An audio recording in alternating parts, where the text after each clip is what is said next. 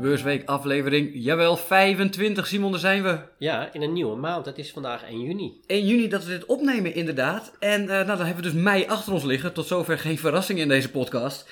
Uh, maar ja, het oude beurswijs, de beursgezegde, of het beursgezegde moet ik zeggen, dat zegt sell in May, go away. En dan wil ik natuurlijk weten, had ik weg moeten wezen, had ik niet weg moeten wezen, wat had ik moeten doen en wat moet ik de komende tijd doen? Ja, nee, dat is een uh, hele goeie. Um, en... Uh, ja, je had wel weg moeten wezen als je in grondstoffen belegt. Want grondstof is uh, in mijn overzicht je dan de slechtst presterende beleggingscategorie geweest met min 6%. Je had ook niet in de euro moeten beleggen, want die is 3% verzwakt ten opzichte van, uh, van de dollar. Uh, Europese aandelen deden het ook deze maand wat minder. En ja, het eerste minnetje sinds december met een min van 2,3% voor de Stocks Europe 600.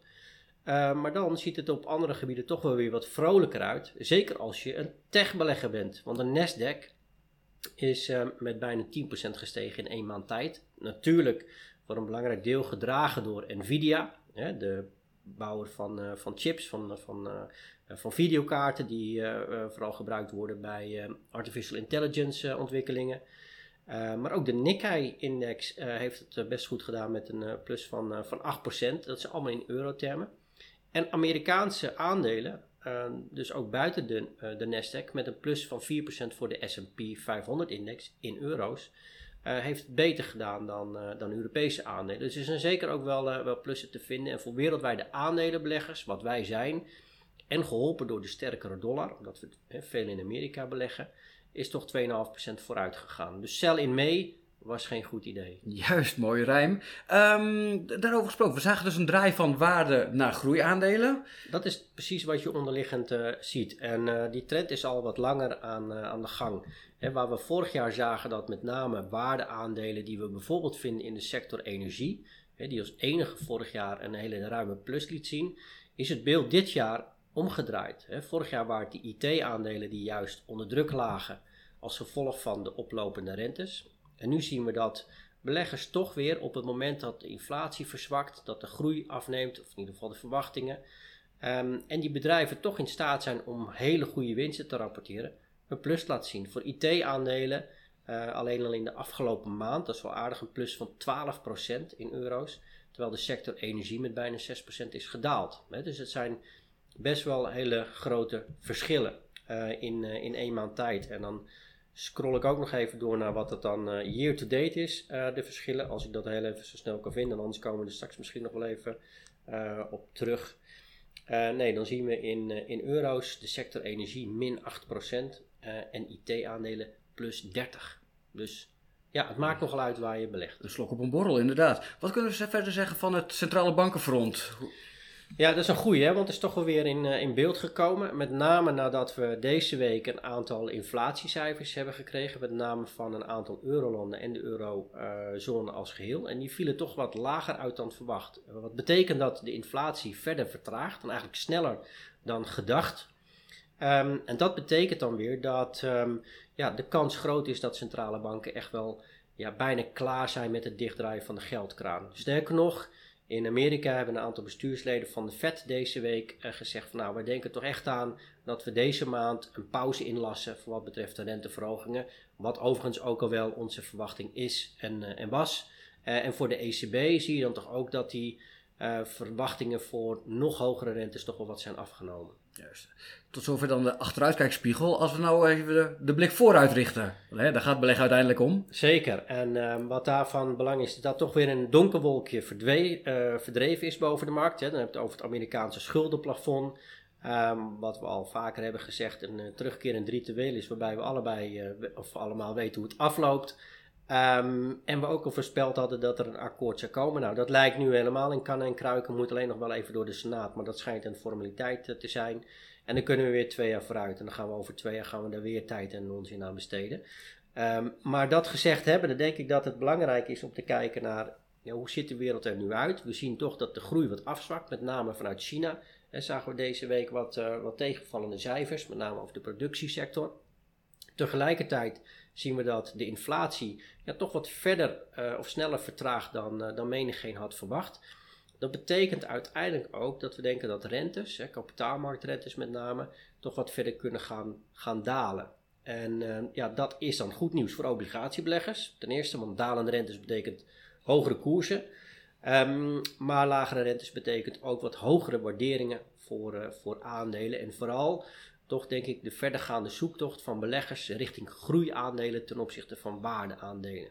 Juist, dus de ingezette trend die gaat door. Ja, wij verwachten dat die doorzet. Want dat klinkt misschien een beetje gek van hè, hoe, hoe ga je nu verklaren dat, dat je in groeiaandelen moet zitten op het moment dat de economische groei afneemt? Ja. Het is eigenlijk heel eenvoudig. Dat op het moment dat die economische groei in regio's afneemt, bijvoorbeeld in Amerika, um, dan zie je toch dat beleggers juist naar die bedrijven op zoek gaan om in te beleggen die wel in staat zijn om die groei voor te zetten. En dan kom je automatisch toch weer bij nou, een aantal bedrijven die, uh, die we in, in Amerika in de IT-sector uh, vinden, omdat daar de komende jaren nog, ja, ongeacht de economische cyclus, heel veel in geïnvesteerd blijft worden. Juist, tot zover de stand van de wereld en hè, de komende ja. tijd. Um, nog even over China inderdaad, want deze week kregen we daar wat minder cijfers van. Ik zag ook uh, Louis Vuitton, wat natuurlijk heel erg goed ging daarop, hè, op die tijd van voorspoed in China dus. En daar houden ze wel van een luxe aankoop. Zag ik er vandaag ook, um, was het gisteren? Gisteren. Gisteren inderdaad gewoon toch een paar procent eraf inderdaad. Ja. werd wat winst genomen. Uh, hoe kijk je daar tegenaan, tegen China nu? En misschien ook in combinatie met uh, luxe goederen. Ja, ik denk dat als je kijkt naar de uh, koersontwikkeling van die luxe goederenbedrijven. Die zijn natuurlijk, ja ik wil niet zeggen door het dak gegaan. Maar die zijn wel ja. enorm gestegen vanaf het begin van dit jaar. Louis Vuitton was plus 25 voor die correctie van, van gisteren. Ja. Maar staat nog steeds 20% in, in de plus. Dat geldt ook voor een hoop uh, andere bedrijven uit dezelfde sector. Dus weet je, een beetje winst nemen, ja, dat is niet zo heel erg uh, spannend. En vind ik eerder gezond dan, dan iets anders. voor wat betreft China, ja, zijn onze verwachtingen um, toch wel ietsjes voorzichtiger geworden. tegelijkertijd betekent dat als de groei in China wat afneemt, waar de inflatie op dit moment nog steeds heel erg laag is, dat geeft wel ruimte vanuit de Chinese overheid om met extra stimuleringsmaatregelen te komen. Dus die zullen er ook wel gaan komen, hè, omdat um, de Chinezen zelf er ook niet gebaat bij zijn uh, om die groei verder uh, te laten vertragen. En dat zou dan juist weer een impuls kunnen betekenen voor, uh, voor de rest van, van de beurzen. En bijvoorbeeld ook wel weer die luxe goederenfabrikanten weer een setje in de rug kunnen geven. Inderdaad. Um, kunnen we door naar de agenda voor volgende week? Ja, um, laten we eerst eens kijken wat we vandaag nog krijgen. Hè? Want um, we plaatsen hem uh, vrijdagochtend, deze podcast. Dus ja. uh, als je in, uh, in de auto zit of elders, dan, dan weet je wanneer, wanneer dit is opgenomen. op de donderdagmiddag. Um, en dat is dus na de inflatiecijfers die we vandaag kregen uit de eurozone, die wat lager waren dan verwacht. Dan krijgen we vanmiddag, en dan heb ik het over dus de vrijdag, de arbeidsmarktcijfers, de officiële uit uh, Amerika. Um, de non-farm payrolls, zoals het dan ook zo mooi wordt genoemd. Uh, 195.000 wordt daar verwacht voor het aantal nieuwe banen in mei. Uh, die arbeidsmarkt in Amerika is nog steeds heel erg sterk. Veel sterker dan verwacht. En dat zagen we onder andere terug in het aantal openstaande vacatures. wat de verwachtingen ver overtrof. zoals we dat ehm, woensdag te horen kregen met ruim 10 miljoen. Dus daar verwachten eigenlijk dat er ook nog wel wat baantjes bij zijn gekomen.